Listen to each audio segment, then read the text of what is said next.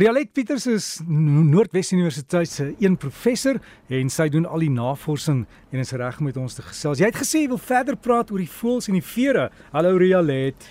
Môre Derek en luisteraars. Ja man, verlede week het ek gesels oor waar die kleure in die vere van voëls vandaan kom.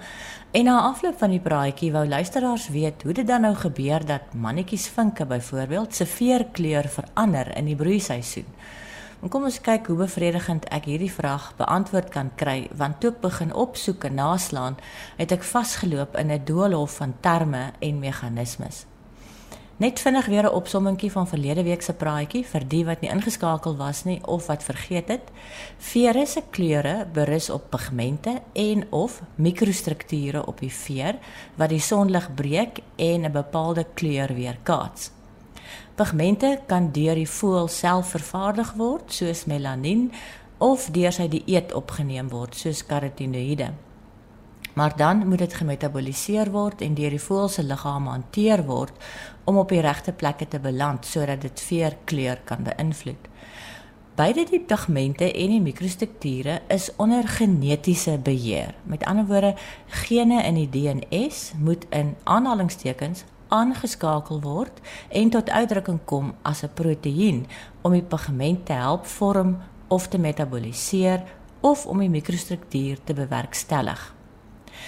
Die artikels wat ek geraadpleeg het om die antwoord saam te stel, sluit in 'n 2021 een uit Journal of Heredity deur navorsers aan die Princeton Universiteit, 'n 2022 artikel deur Peter Pyle ook van die FSA wat in Journal of Avian Biology verskyn het en 'n 2006 boek met die naam Bird Coloration Volume 1 se hoofstuk 12 deur Jeffrey Hill Vere is lewelose strukture soos ons hare en naels.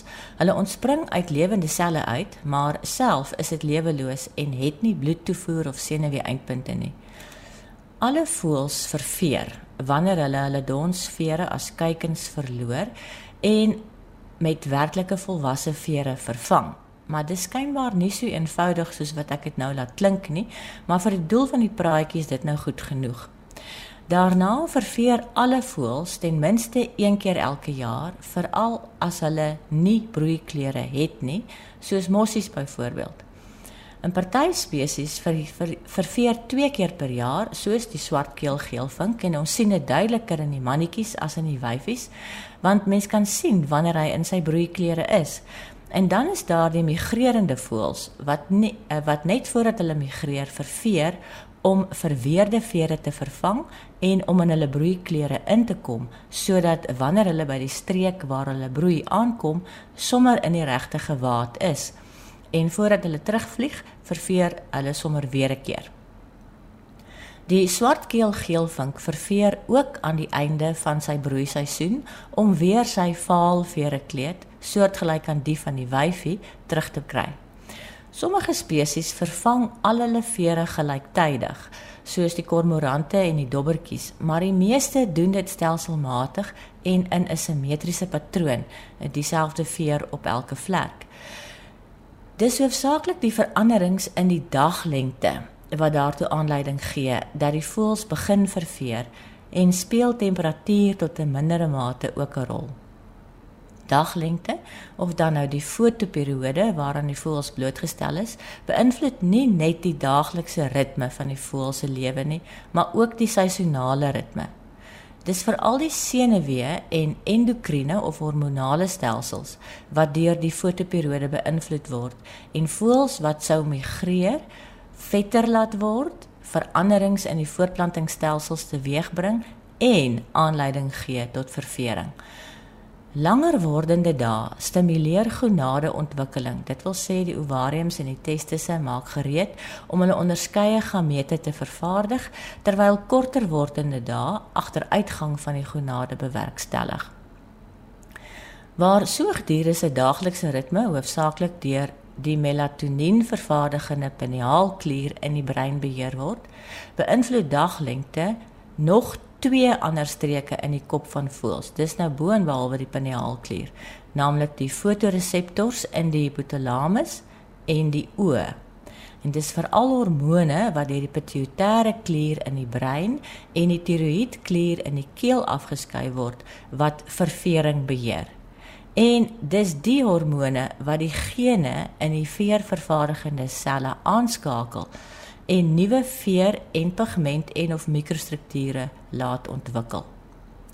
Die kleure van voëlvere het verskeie funksies. Dit speel 'n rol in hofmakery en keuse van 'n paarmaat, vermyding van predators, sosiale gedrag, kamouflering, ouer-kind kommunikasie en herkenning, soos in die herkenning van die ander as behorende tot dieselfde spesies, familielid en individue. In sommige gevalle beskerm die kleur die voël teen UV-lig help met termoregulering, dis nou as hulle wit is of donker is, is meer weerstandig teen bakterieë as ander kleure en verleen strukturele ondersteuning soos melanien wat die veer versterk. Maar dis nie net die kleure van vere wat kan verander nie, ook die lengte van die veer, soos die besondere lang sterte van die flappe en die koning rooibekkie. In hulle geval is dit nie net die vere kleed wat die wyfie moet beïndruk nie, maar ook die lengte van die stert. Hoe langer die stert, hoe meer aantreklik is hy vir die wyfie en hoe suksesvoller kan die mannetjie nakommelinge produseer. Dus het hy meer kuikens. Die vere kleed en die lengte van die stert is 'n aanduiding van hoe goed sy gene is en die wyfie kies die mannetjies met die beste gene. Dis nou by spesies waar daar jaarliks nuwe maats gesoek word.